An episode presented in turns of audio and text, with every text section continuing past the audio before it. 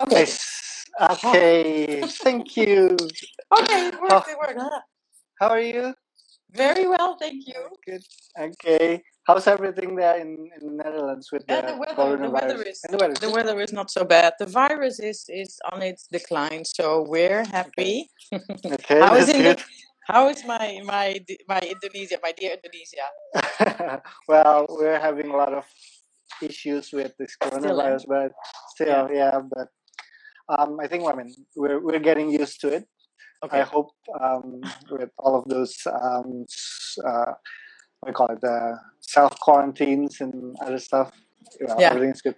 But uh, thank you so much for being here, for uh, having this. Um, Sorry, I'm just like closing the the curtain in the window Right, here because okay. right the sun right in my face. One second. This looks weird when people do things like that. Like, yeah, okay, fine. okay, great. Thanks. Okay, so um, so this is this is what we call the Instagram Live. So Yeah. it's basically a conversations of us, and people will be able to watch us. And so Yeah. we have three um three audience so far. Um, Bu Ramalis is here. I see. I see. Chika. Yep, Yeah. and she's waving at us. And so um, this idea of, of Instagram Live is um, collaborations between my institution, the School of Life Sciences and Technology, and Buramalis's institution, which is the Yayasan Tunas Nusa. We talk a lot about food, about activism, about communities, about health, and so it leads us to you uh, as one of the experts, if I may say, in terms of health and, and nutrition. So before we start, I would like to introduce you first. Would that be all right Yes, please. to the you. audience? Yes. So um, I'm, I'm really, it's an honor for me to to have you in this Instagram live. Claudia Rokx. Um, everyone is uh, um, has a lot of experience in in health and in issues of nutrition. Um, she's the founder of the Heights and Minds Foundation, and she used to work in the World Bank as a lead health specialist. And so um, there are a lot of things that we can sort of explore about these issues, but particularly we want to talk, we want to talk about malnutrition and stunting, and how the global world sees this, and how we can sort of build a global network in in sort of tackling these kind of issues, right? So before I start with my questions, I probably want to ask for you if you want to introduce us a bit about your activities nowadays, about what what is Health and Mind Foundations, etc. right. Thank you. Thank you. And it's it's my honor to be uh, invited to talk to you uh, about this. And uh, and Anga, I'm very impressed with um, with your your um, background and everything, your experience already so far. And I think this is such a great initiative to do it like this. Yes. And for me, it's the first time being on Instagram. So thank you for introducing Yay! me to that. Yes. okay. So let me, um, because as you said, right, I've been working um, several decades. Let's not go into the exact number of years. several decades on um, on on the uh, on on health and uh, nutrition, and like you said, um, trying to prevent malnutrition. Now, maybe we should um, first talk a little bit about um, what you asked, the, the global perspective about malnutrition, right? Because Right. malnutrition for many many decades many years um, when people heard about malnutrition they think of children that are extremely skinny with extended stomachs and, and really like really in a bad shape. That is wasting. That is um, acute malnutrition. That is when children like in, in drought during drought times children really absolutely have uh, very little to eat and, and start getting into that shape. That's acute malnutrition. Now the big problem that uh, the world now is uh, turning attention to because it's part of the human capital building is what we call chronic malnutrition. And that is a condition that results in stunting. And stunting is being too small for your age in children. We're not talking adults. You can only use this definition for, for children. So children are too small. But you don't see that. It's invisible, right? People don't see that their children are too small for their age because it's a condition that affects many children. So you don't see that kids stand out. So I just want to explain what we, what the world now and what we are trying to do to prevent malnutrition. It's not only the acute malnutrition to make sure the kids have enough food. Of course, that's part of it, but it's really to prevent chronic malnutrition that results in stunting and kids are too small. Because we know that if children are not growing well physically, their brain also is likely not to be growing well, and that's what we really need to prevent. So we need to give them enough food, we need to prevent that they get ill, and that's where we get into what causes this chronic um, condition of malnutrition and what can we do about it. And that's what this is something that um, the last 10 years, five to 10 years, um, has been something that the world's nutrition people have been trying to uh, create awareness about chronic malnutrition. So to get away from only acute malnutrition. So that's what I wanted to start with that, so that we're all in the same mindset of what we're talking about when we talk about malnutrition. Right, and I'm I'm, I'm I totally agree with you in the sense that that when we talk about stunting, it's I think 20 years ago, I've never really heard about stunting. Yeah. I know about malnutrition, right? But now I think the world talks a lot about stunting. And, and from your experience, how do you see this issue growing in developing countries as well as in, I, particularly in Indonesia, from your experience? Yeah. So, so one of the things was exactly that that whole um, uh, drive to create awareness about stunting and what how big a development problem it is. And this is, I think, where um, the attention for nutrition has been growing because people now start realizing that malnutrition is not a public health issue alone, it's a development issue. Because we know that if you have a high percentage of children that are stunted, that are not growing well in those early years, their brains are not developing as well. They go to school less years, they have less income as adults. So it's recognized now that this is an economic problem as well, an economic development problem. It is affecting countries' GDP, it's affecting countries' human capital. So now all of a sudden, or not all of a sudden, it's been growing over the years, but there's much more attention to it. Also from non-health people, non-nutritionists, ministers of finance are extremely worried about this. So that helps to really then start looking at what can we do about it. So it's it's uh, it's a growing recognition and I mean, Indonesia has been one of the frontrunners in this recognition. Indonesia is also one of the frontrunners in doing something about malnutrition in general. You've been, you have 50, 60 years of experience trying to address acute malnutrition, underweight, micronutrient deficiencies, all the different forms of malnutrition, right? So it's it's it's very nice uh, to see that a country as big as Indonesia, which has a big problem of stunting, is really now gearing up very um, strongly with a lot of commitment from the highest levels, a lot of financing going into it to do something about it. So Indonesia is actually a country that other countries are looking at now to learn from. Ah, okay. Yeah, it's, yeah, yeah. So, so is it something that should be proud of uh, in a sense? That, yeah. That, yeah. Yes, I, of course you shouldn't be proud that your something levels are so high but you should be proud that now it's recognized and and there's there's actions right? I mean you you've heard about the big strategy the strategy national strategy to reduce stunting levels. Right. and it's got lots of money towards it. People are talking about it at all levels. So yes i think indonesia can be proud of that. Right. Okay. So I've noticed in uh, in your organizations in Heights and Mind Foundations, you've also worked in Senegal and Madagascar, I think um, and then now in Indonesia as well. How, do you see any any difference in terms of the cases of stunting in each, each of the countries? So yeah, so we've started the Heights and Minds Foundation is is a very small little startup NGO. Um, basically, I founded it because um, there's a lot of things that I've learned over the years um, doing all these big programs that I think we can do much better but we need to test it out first. We need to do it in a small setting, start small so we can build it up. And that's why I founded the, the foundation so we can actually do that, start small. So, as you said, I started in Senegal. Now we're starting with Ibu Ramales in Indonesia. Very excited about that.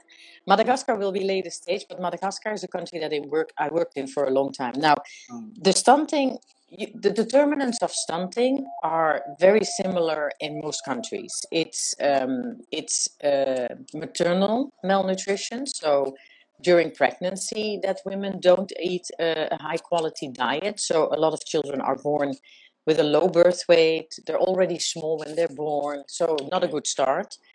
And then um, exclusive breastfeeding rates are low, and we know that exclusive breastfeeding is one of the most important things to do for a child in the first six months. Then, when children start eating other foods, solids, often uh, it's not hygienic. Uh, they use unclean water. Children get diarrhea. They get into a spiral of uh, illness. Um, the food is not absorbed when you're ill, not as well, etc. It's a vicious cycle, and that's when they get into this chronic condition of stunting, chronic malnutrition leading to stunting. So, and these things are very similar all over the world, which is one of the reasons. So, a lot of the solutions are also very similar. Of course, adapted to the local so- situation, how you actually really do things. Like, do you create awareness by storytelling? Do you create awareness through Instagram discussions? Do you create Mm. awareness through countries are different in, in terms of development and, and where they are in, in how they communicate, etc. But causes are very much the same. Solutions are um, not exactly the same, but similar. And what I've seen too over the years is that actually there's a lot that people can learn from each other, not just between um, regions in the same country or cities or urban, rural, but also between countries. And that's another thing that the foundation Heights and Minds wants to do. We want to connect the, the centers that we're setting up, the mind ups, Mhm. and then that people from Senegal can talk to people from Indonesia and people from Ghana and people from wherever we're going to set them up. Because a lot of these things um, we can learn from each other how it works, and we can um, we can share recipes. People, the world is globalizing. Why not everybody, right? So it's one right. way to do that. yeah Okay. Now, um, for for the audience that haven't really known about about stunting, can you, I guess, explain a bit about how you identify stunting from the early age? Like, what's the characteristics? Yeah, that's a very good question because exactly it's it's very difficult to recognize stunting because it's a gradual process, right? So it starts in, in, in already in utero during pregnancy. Like I said, maternal malnutrition, they don't eat enough, they don't eat well. In some countries, we've even seen that women um, don't eat much because they want to get small babies because then they think delivery is easier Ah, which is not because it's really um, not the weight of the child it's the head circumference and if you down eat like some women are at risk of doing you actually do a huge disfavor to your child and yourself. So this is something that needs to be and you don't see it right? You don't see it. So it's it's something that people need to understand and we need to make them aware through talking counseling checking whether they're growing uh, enough in weight during pregnancy etc and then when children are born then they they get breastfed they, they i mean they they gain some weight but not enough uh, for sufficient growth in length and but you don't see that. So this is why we are trying now to um, focus very much on measuring children's height. But even that is very difficult right? I mean Mm. everybody who's been trying to measure a, a nine month old child or a one year old i mean they they move they it's not easy. So Right. we've tried to also um, uh, under the uh, the new stranas the new uh, strategy with the government with the ministry of health we've developed this new measurement what we call a length mat which is a more child friendly it's a nice looking mat with the the um, the centimeters on it how much you should grow which makes it easier. So children are more comfortable it makes it easier. And all we need to do is to see whether they're growing enough whether they are in the protected zone in the green zone. We don't need to know whether they're like 57 centimeters or 57 and a half. That's not the case. We just need to know whether they're enough. And then we can counsel the mother and then we can talk about what's happening because then when children are not growing enough we can see that easier then we can really talk to the mothers like okay what is happening? Is the child sick? Uh, are you getting enough food? Do you give it enough food uh, several times a day. What do you give? And then you can really go into this conversation. So we need to measure to understand whether they're growing adequately in, in height which is not easy. So we need everybody's help also to help us come up with ideas on how to do it better and easier. Okay. so that's um, one thing Yep. Mm. I've also noticed that um, I guess in Indonesia we have uh, what we call posyandu. So it's a place where yeah. um, mothers, yeah, right? You've probably heard about it. And yeah. and there is a, a chart that we use to measure ratios, um, heights and weights and, and, and etc. And and and this ratio, this chart is based on I think the WHO um, standard. Right? Yeah. Um, and I guess what I want to ask you is, um, how do you sort of take into account the genetics of the populations? For instance, whether a population in certain areas are, are relatively smaller than the others. Mm-hmm. Okay, so this is a very good question. You're really okay because this has been um, a, a, debate, right? So mm-hmm. um, this debate started, uh, especially when we started talking about height, because we know obviously that there are certain populations that are very tall and others are smaller, etc. Now that doesn't mean that one is is um, worse than the. It, it, it's not an indication of how good you are doing, right? I mean, the Dutch people are very tall because, for in in the whole. Uh, past development, people have been growing taller. Um, now, what they've done, WHO um, wanted to really understand the growth and whether there were ethnic differences. So, what they've done, they've done a very big study. Um, 16 countries were involved, so a, a, representation of the whole world, all ethnic uh, groups, and they have measured children from birth to um, five years of age and they have plotted and, and they made sure that the children that they were measuring were well nourished. They were exclusively breastfed and they were growing normally. So they plotted all of those and they came up with this what we call the growth curve. Okay. And in that growth curve, we know that all children in the world grow in the same with the same velocity. So they grow with the same uh, curve. Right. And all the children in the world should fall in the curve that was plotted by um, WHO, which has um, how do you call that? It's it's got uh, a uh, hundred uh, percentile, right? So you've right. got like right. P zero is the the smallest one, but still uh-huh. normal, and P hundred is the biggest one, still normal. All children should fall in between that. Right. And the most important thing to me- so you start measuring children, you plot them on that curve, you see they're normal. If they are below the curve, then you're in deep trouble. But also we look at whether children following the velocity. So children are growing, and the minute that they should go up, up, up, up, up with that curve at that mm-hmm. age, and then once they they start stagnating, you know you're in trouble. But just to just to answer your question, whether um, there's these differences in ethnicity, it's not a difference in ethnicity. It's just that the whole population, yeah, some people are taller, some people are smaller. As children, they all follow the growth the same curve. So as long as you're in that curve, you're completely normal. And then it's probably the case that that um, in in in the Netherlands, where everybody is so tall already, mm-hmm. uh, your parents are very tall, so most kids, kids are actually in the upper part of the curve, normal. In Indonesia, so, smaller still, but mm-hmm. normal. But you're more in that lower part of the curve. But everybody is completely normal. It's the velocity of the growth, and it's so when they stagnate is when you have a problem.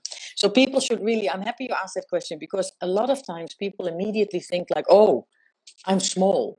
So I mm. haven't been growing enough. So my brain hasn't grown enough. That's not the case. Most people are completely in that curve. And it's only in those very early years that you can make that correlation. Okay. So it's a very good question. People really have to keep that in mind. and sort of to, to dig that deeper, um, I, I, get this. Um, I mean, it sort of your explanation sort of implies that that the critical stage would be um, during the childhood um, age, right? Uh, I don't know, five years, etc. And but that it will sort of affect even yeah. your adulthood because yeah. of that intelligence with your brain capacity, etc. And so, is it curable when you sort of realize that uh, you've, I mean, like you've passed that um, child age where you've actually stunted, for instance? You still be able to cope with that in your adulthood? Yeah, no, that's that's again a very good question. So this is the the the um, the um, the story. Okay, the issue is that we know that physical growth and brain development is at its fastest in the first two years, starting right. at uh, pregnancy, right? During pregnancy, and so we have all those. Um, research has been done. We know that then is at its fast. Neurons are made like you won't believe so fast. So that's the period that it's most important to make sure that the children are growing well, that they get all the attention they need, that they get stimulated, that they get the right food, high quality, etc., etc., love, nurturing, etc., all that. Now, if you don't have enough of that, uh, we have seen that um, there's less neurons that are built in the brain. So, and we know that um, the most important period is when it peaks. So, after year two, 24 months, 36 months, the brain development continues, but not as fast. So, what you have lost in those first couple of years is much more difficult to to catch up on because it's it's slower so you need much more effort which is why we focus on those first years because that's where you have most efficiency in doing something now physical growth what you have not been able to grow in those years that is not reversible. I mean, you you you you basically lose that. We've seen that there's no catch-up growth in length in uh, if you haven't been early enough. Of course, brain development you you continue to to to focus on them. So it's important also to know when children are stunted, if they're already three, four, five years old, that they should get extra attention. So it's important to keep an eye on it. And it's um, of course the brain you it's it's like a muscle you keep uh, building it you keep um, adding to it so children that have lost um, out in those first early years should get extra attention in the outer years okay. that said um, there's been not enough studies yet to know whether there's a complete catch up because it's only the last five ten years that we're really doing this research right that we see. So everybody's been focusing on those first years and now also we start looking at like catch up growth and what to do for children that have already passed those two three years. Right. Yeah. Mm-hmm. so um claudia if you notice there's a comment section um, in your on your screen and one All of the right. comments or questions is from from adit and he said that um, stunt, if stunting is handled after uh, the thousand first years of life, then the outcome won't change that much. So the the thousand days of life for gold period is a time of high differentiation growth your body cells. Do you agree with that? Yeah, so that's the period that you really should focus because it's the most efficient period to do something right. for the children and for and for your efforts. That doesn't mean that we shouldn't do anything right afterwards. So we still have to continue really also afterwards, also following these children, etc., etc. But as you know, resources are scarce. Um, decisions need to be taken about where to put your your resources. The whole economic arguments about what to do. That's why the focus on these first thousand days. But of course, we need to continue with these these outer years as well. Yeah. Okay. Okay. Now, um, the second question from from the audience is I think it's really interesting, particularly in my field, when we talk about the social and economic aspects of yeah. and governance aspect, right? The yeah. question is, what can the government do in order to get tangible results? Because I guess this issue is related to other issues as well. Let's say economic and education level. And I want to uh, give a bit of a nuance for that question, right? When we talk about stunting, we we often address developing countries or. I guess non-industrial countries are relatively poor in terms yeah. of GDPs. Do you think the solution would be just to increase the economic growth of a particular country and it will solve this issue on stunting, or is it more complex than, than that? Yeah. I think it's. I, I, think, and I think you, you, you, you also can answer some of your own questions, right? And we'll we'll talk about that a little bit.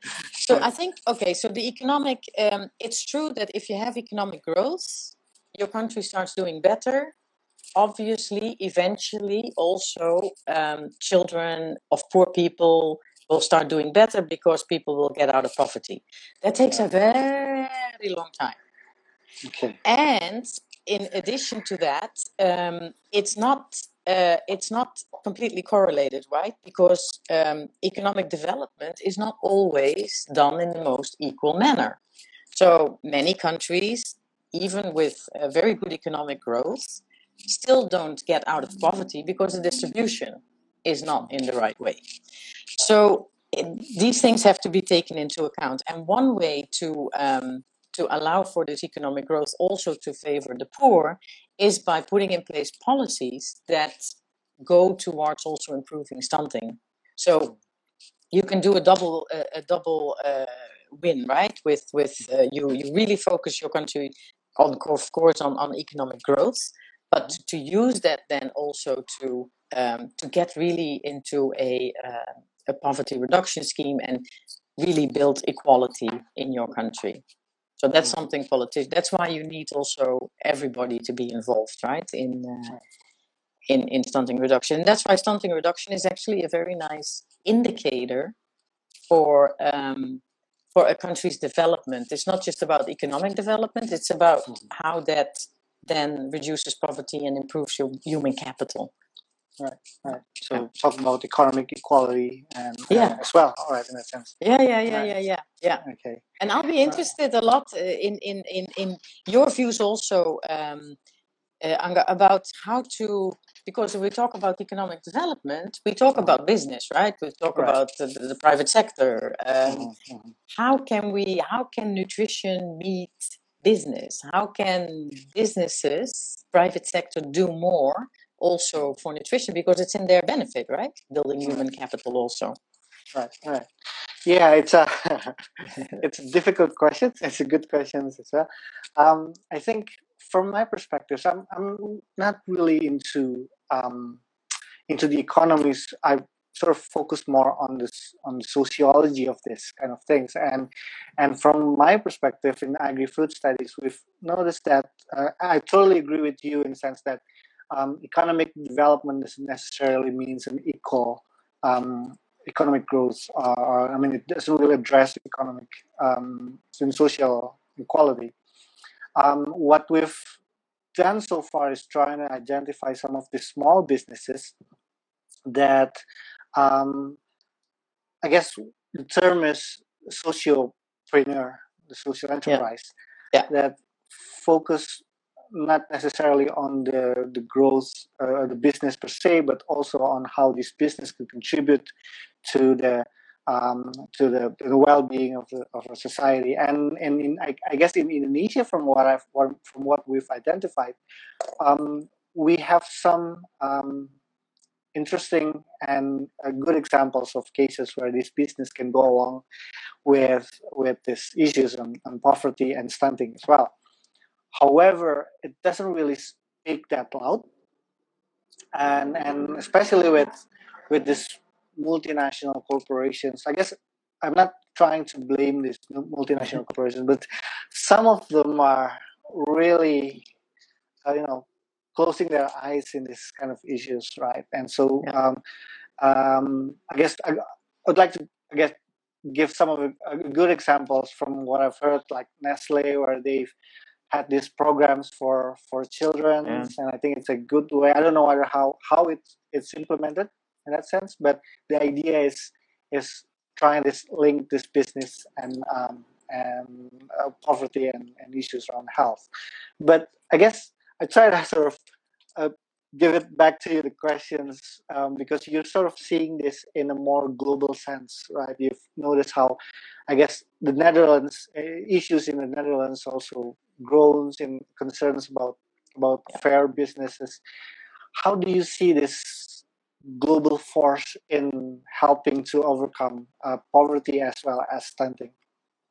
Yeah, I mean, it's a good question, right? Because I, I, I agree that there is a bit more um, feeling from these bigger companies uh, taking a bit more responsibility for the social issues. So they, they started this corporate social responsibility. A lot of them trying to give back to the community, um, making sure that that uh, the air, the communities where they're working in, that that they also benefit a bit more. So th- there are ways, but still, of course, we should not forget that their business is to make money for their stakeholders, especially these big, big, big ones. And um, even though you have now uh, a bit more sensibility, sensitivity from like a PepsiCo for healthy food, we're far, far from from getting there, right? And mm-hmm. I think now with the, the, the whole movement also of um, healthy uh, humans and healthy planet, uh, it's really where nutrition connects also, right, to the whole thing. So that is going to help because it gets worldwide attention. That's going to help also to push towards um, a better quality diet. Uh, more attention for the, the, the, the earth, how we're treating it, etc., etc. So I think that's a very interesting um, area of, of, of research and, and, and policy and advocacy that is now um, happening. And it's going to help actually um, this whole creating better responsibility from these big companies for the to, to help also reduce poverty and, and stunting. But of course, government has a huge role to play in that because they are the ones with the regulations. They are the ones that can set policies. They are the ones that can um, that can um, ban certain foods or or make companies uh, reduce the salt content, the sugar content, mm-hmm. um, keep the prices at a at a level that people are actually able to to afford it, etc. They are the ones that set subsidies and tariffs and and other so there needs to be a very good collaboration between all of them how to do that better. And i think i mean there is some move towards that. I'm, I'm afraid that the moment worldwide, the whole global thinking is, is, is going in a in a funny direction with all the politics. COVID, COVID is, is is now of course like driving a lot of the discussion and and uh, is, is is also kind of like putting much more attention again on on uh, on health, of course, right. uh, for sure, and but also on the immune system, right? I mean, make sure your your your population is healthy and and right. doing well, so they're less uh, vulnerable, etc. So it's it's interesting worldwide. The whole what all everything that is happening, right? Mm-hmm, mm-hmm. Right. Yeah. I I would like to get back to that issue on COVID later on, but um, just I guess I want to sh- share one thing about um, how I guess it's it's, a, it's more of an anecdotal evidence. I've had this discussion with government officials uh, from the health department, and it seems like it's um, this issue on stunting has been quite politicized, not necessarily in a negative sense, right? But then, um, with limited funding from the government, you um, what happened in Indonesia is that the government tends to reallocate the funding from other um, non communicable diseases or communicable diseases um, um, management towards stunting. And with a lot of other cases like dengue fever, for instance, or malaria, um, they've become a bit sort of, you know, um, marginalized in that sense, right? How do you see this kind of things? Yeah. How do you see the politici- politizations of, of stunting? Mm. Yeah, that's that's a difficult one, right? Um, because this this goes back again to the problem of uh, resources being scarce and having to make mm. decisions where to put your money. Right. Um, I think in, in some countries, like uh, in Peru, for example, what they mm-hmm. did, um, they they did a, a, big, they did quite a lot of research and preparation, um, where they basically looked at the evidence of mm. um, interventions, and they basically made a bit of a non-political decision about where to put their money, based on evidence, not on not on on, on the the problem of the month or where people live and, and where I'm from and etc etc. So that that actually worked to try and, and depoliticize and, and really look at evidence and then go with that, allocate your money that way.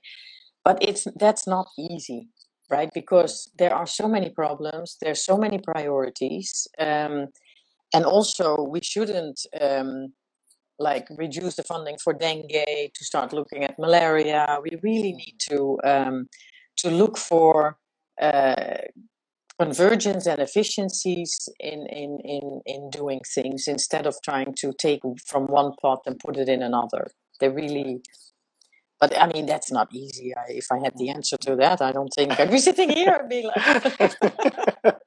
yeah, it's, it's, it's a very difficult one. And, and especially in, um, I mean, when, when politics come in, right? Because mm-hmm. also, um, with stunting, stunting is is is is is a condition that takes um, more than a couple of years to um, to focus to to to to improve, right? So you need right. long term engagement. Now, if you have elections in between, uh, all that, right? So not easy. yes, yes, absolutely. Now, if we sort of go back a bit to um, government.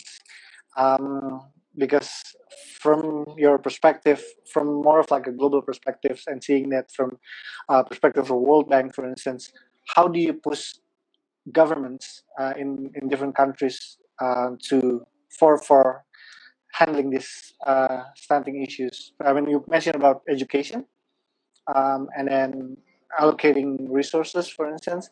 Um, can you sort of give a bit of our um, a picture of, of what are the things that the government needs to do in that sense? Yeah. Yeah. So basically, what the bank does, um, we we of course we, we work very closely with with governments, and I think one of the the um, advantages of of the bank is that we work in all sectors. So we don't work only with a Ministry of Health or a Ministry of Education, but we really work with everybody. So we have access to everybody, and we have with that the opportunity to create awareness about problems. And of course, the bank, uh, the bank's obvious goal is to reduce poverty, and you reduce poverty by building economic growth and building human capital. So the bank now is really um, trying to uh, to discuss with, with, with governments how you build human capital. It's one of the big things now in the bank uh, that is happening. We've also done these calculations of where countries are on the human development, human capital index, which basically is a number. And if you are, say, 50, goes from zero to 100, if you are 50, that basically means that your children only reach 50% of their potential capital potential in in their adulthood. So it's a very important index to show countries like listen this is your future. Do something about it. And then of course we come with all the human capital um, uh, interventions what you need to do which is education which is uh, reducing malnutrition improving the health. So it's it's it's multisectoral right? It's everything. So that's that's uh, that's the bank's job. And then of course we we really um, we share experiences from other countries how things were done we help with a lot of analytical work to create the evidence base we work mm-hmm. with um, with ministries of finance uh, on on allocating budget where to put your money etc you guys are lucky with uh, Ibu Sri Mulyani who is a very good minister of health and who mm. really also gearing towards the, the stunting issue. So, mm. so it's so that's what we're, we're doing, uh, what we're trying to do with governments. Just a bit of corrections. Uh, Sri Mulyani is the minister of finance. Yeah, finance. Yeah, what did yeah, I say? Right. Yeah, okay. Minister of health. no worries. No, finance. Sorry. okay, no worries. Um, and then we have a question from Buramalis, uh, and I mean, sort of like linking up with your uh, answers earlier. Um, is there any best practice of collaborations among NGOs, universities, uh, and governments on stunting in different countries that you've sort of noticed? Um, let me think. So, what what was very interesting um, is what happened in Peru Peru is one of the success countries uh, that reduced stunting levels very quickly. From from uh, in one decade, they halved it from 29% to 14%, which is really really a success story. Right. Yeah. Actually, a whole a whole um, group of representatives from the ministries of Indonesia uh, went to Peru and went to see that Ah, program. Very nice, very okay. nice. So very so a lot of lessons from Peru are actually being done in in Indonesia. So and but in Peru, what started that whole attention to um, stunting reduction was civil society. Ah, A couple of of NGOs representatives uh, got together and and they had already recognized the importance of of stunting and brain development connection etc so they basically um, mounted a campaign to get through to the highest levels in government to tell them like you are really missing the ball here your kids Yeah. are not developing well your future blah so and they really got through to the president. Who they basically showed these these drawings right of like the, the brain development in those ages and kids that are malnourished that are not developed etc so this president was horrified and then things started rolling. And then they put the right people in place. They were local so they put the right people in place. They did this evidence-based thing. Mhm, but mhm. huge uh, involvement from the ngos from the civil society that continued throughout and they really um, also relied on the universities to help them with this evidence-based uh, building and, and monitoring and very so that was a very nice um, collaboration that they set up we wrote it up in a book also Okay. and then um, I think in um, Senegal there was a very interesting, uh, also a country that did very well on reducing stunting. Mhm. Um, what was a very close collaboration between the government and NGOs and local NGOs, small NGOs all through the country. Basically, there was a, a they they contracted the government contracted these NGOs to implement the services. So they didn't rely only on the line ministries and the existing health system. They really they had a contract with the local with civil society in those uh, countries, which was very nice because that led to a very um, localized response tailored to the communities that they were working in. And basically, the government um, in those contracts paid these NGOs based on results. Like, okay, so this is your catchment area. We want to see a reduction in in um, stunting. We want to see improved exclusive breastfeeding rates. We want to see improved clean water, etc. These are your indicators that can be measured. Here's the money. Do it. We come back in well, six months of course, but uh, I mean in in two years, and then we'll see. And then you get um, paid for the extra, paid for the result, etc., etc. So there was a very was a contract with civil society basically to do it, which was nice. Yeah. Hmm. So those are examples. Yeah. Mhm, mhm.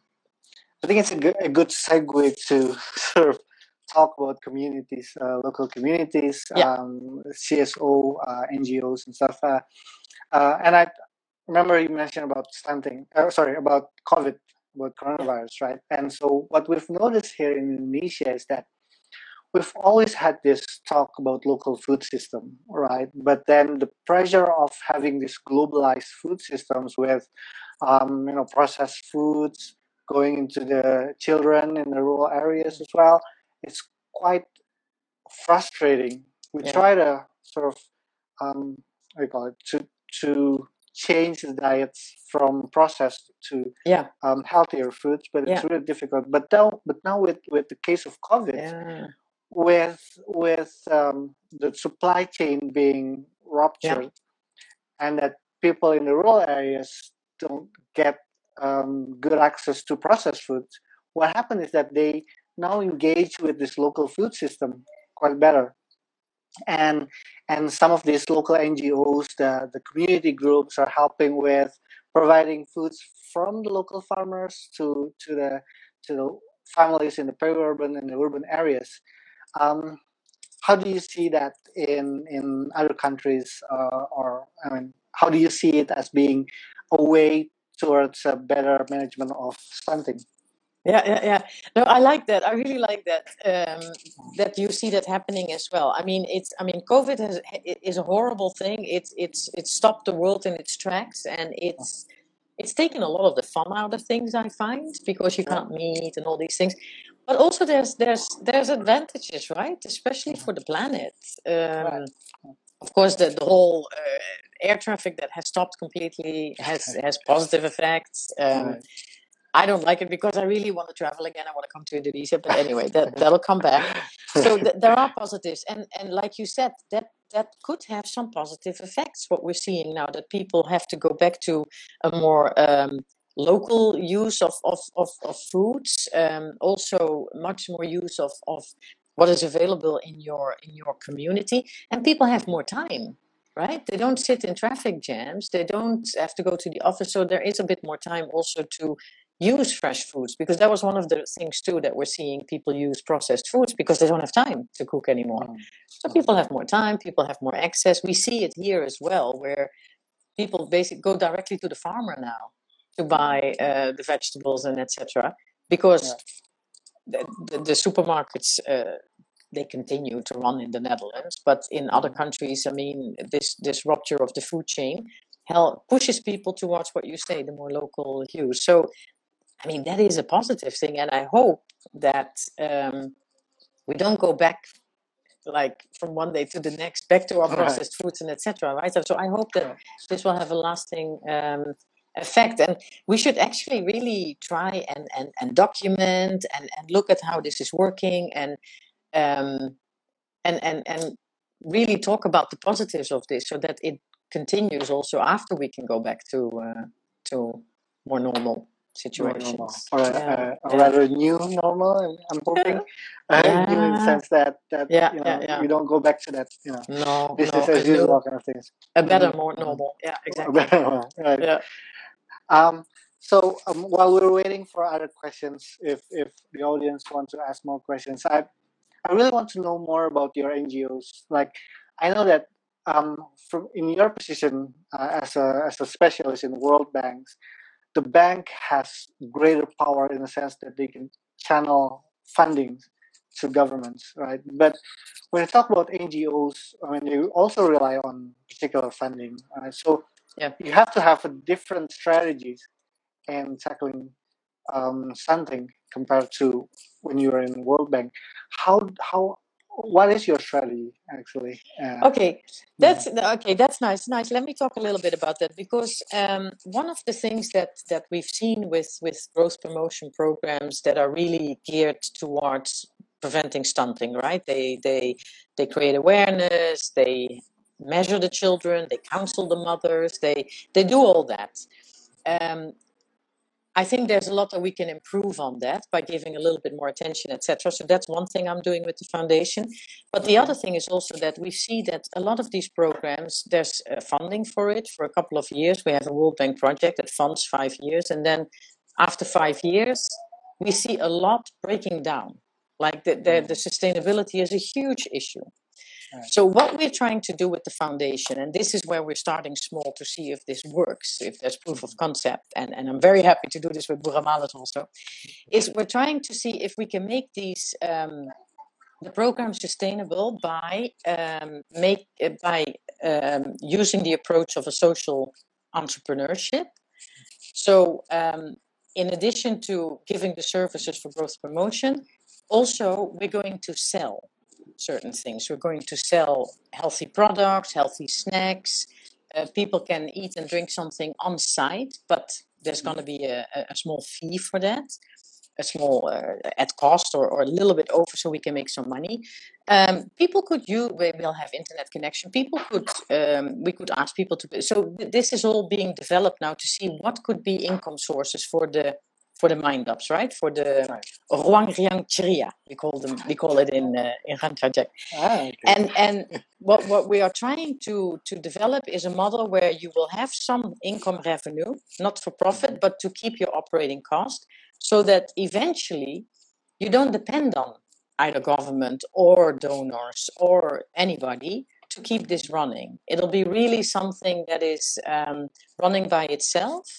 And um, of course, we have to be very careful what can be sold. It has to be all only high quality um, products um, that are for specifically for the children or for pregnant women, mothers that are lactating. Um, so developing all that. So it's really in the in the in the development stage, the startup phase, but makes it nice because we can really localize also. right. So that's that's what the foundation is trying to do, building short term, three years, three four Mhm. years involvement um, to set it up, Mhm. get it going, do the right services to prevent uh, malnutrition in a sustainable manner so that it will continue even after we stop funding. But they will all remain under the global network because we want to ah. continue with the connections between the, the different uh, cities and, and countries. And we also want to make sure that the people managing the, the places are constantly updated with new information on nutrition, new messages, retraining, so that they really become um, the go-to place for nutrition information. And we start with, with of course, the thousand days, but eventually also NCDs, overweight, obesity is a big problem everywhere, growing uh-huh. problem. So we want to also start looking into um, advising on that, adolescent nutrition, you name it. So it's starting with something small, building on top of it. Right. Okay. Yeah. That's. I think I really look forward to know more about it. Thank um, you.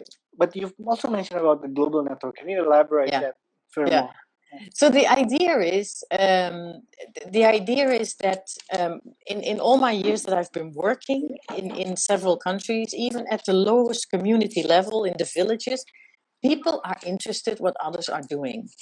And people love hearing about other countries and what they're doing. And and they're also like oh yeah it, it's good to realize that they're not the only ones with these kind of problems. It's worldwide. So one of the things that we want to establish is a constant um, nurturing of of uh, experience sharing, um, knowing each other, opening to the world, etc. And in this in this era of technology, it's possible, right? I mean, here we are talking, doesn't cost anything, right? It's all mm-hmm. through a, network that is that is free to everybody. You just need to have the connection. So I really want to make sure that all these places have a, a good connection, so that people actually can also do these things, and then face to face. And I think it's it's a wonderful thing to bring uh, different cultures also together. Right. and right. different foods. I mean, in the Netherlands, we're eating um, things from Indonesia, we're eating food from Peru, we're eating food from Senegal, while the Senegalese themselves don't have that kind of exposure. Why not? So let's bring them together. Let's let's let's introduce them to all these different things. Right. Right. Great. Although we also eat pannenkoek, which is yes. from the Dutch, right? yes, yes, yes. Is now, I guess um, the last thing that more of a comment that um, because you talk about the global networks, what we've been doing so far with our research group is that we also have some kind of a regional or global networks of sociologists of agriculture oh, nice. and food. Uh-huh. Yeah. Yeah. So there's a the Agri Food Research Network is based in, in, in New Zealand and Australia, but also with Indonesian researchers as well, in Europe, European researchers and, and states. And we've been talking a lot about how we can do more research on the social aspects of stunting as mm. well as food security in more general sense and how these kind of research can inform um, actions either from the government, but also from NGOs and activists and social enterprises. So um, my question is, from your perspective as an activist as well, right? Can we say, or or social entre- entrepreneurs, what kind of research that you're expecting us to uh, to do to inform you of more of uh, how to handle um, stunting better? Great. I, I, love this, and we need to talk much more about this. So, um, so one of the things also of this global network um, is to to try and um, create access mm-hmm. to the people that need the new information and and, and research.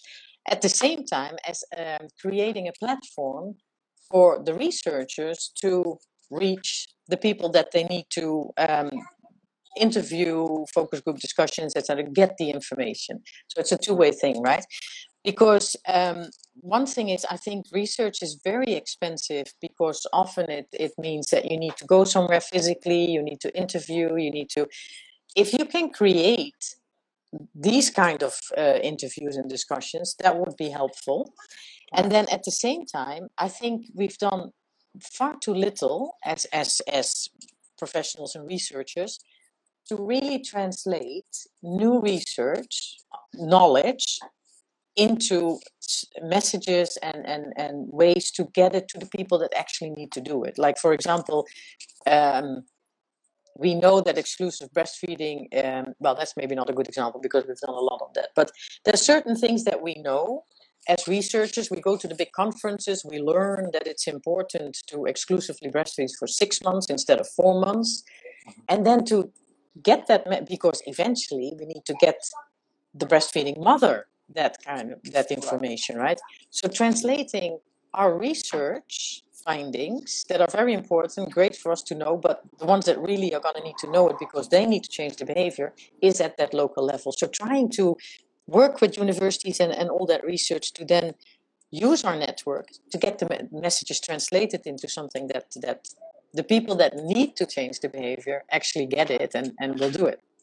So we also need a lot more more help from um, communications people and marketing people because also we need to we need to make it fun, right? It has to be positive and and we need people to come and get the information and it has to be it has to be in, in a fun way. Yeah, right. That's one of the big things too. okay, thank you so much, Claudia. Um, it's really oh, it's 11.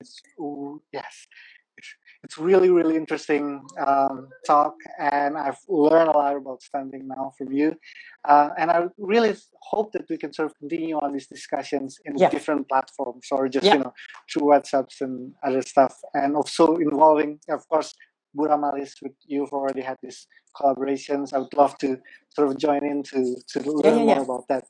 Yeah, and so yeah. we've come to this one hour talk, and I hope we can have more, but um, unfortunately, the time is limited. So, thank you so much for your time. And um, I'm, I'm going to ask your permission if we can share these conversations in YouTube. Would that be all right? Yeah, yeah, yeah, yeah, yeah, yeah. yeah, yeah. I'll share it with you. So, thank you. Have a good day for you this weekend. Thank and you. Hope, yep and hope to talk with you more later on. Thank you, and thank you for okay. introducing me to this medium. Very nice. Okay. Thank you. okay, bye bye. Thank you. Bye bye.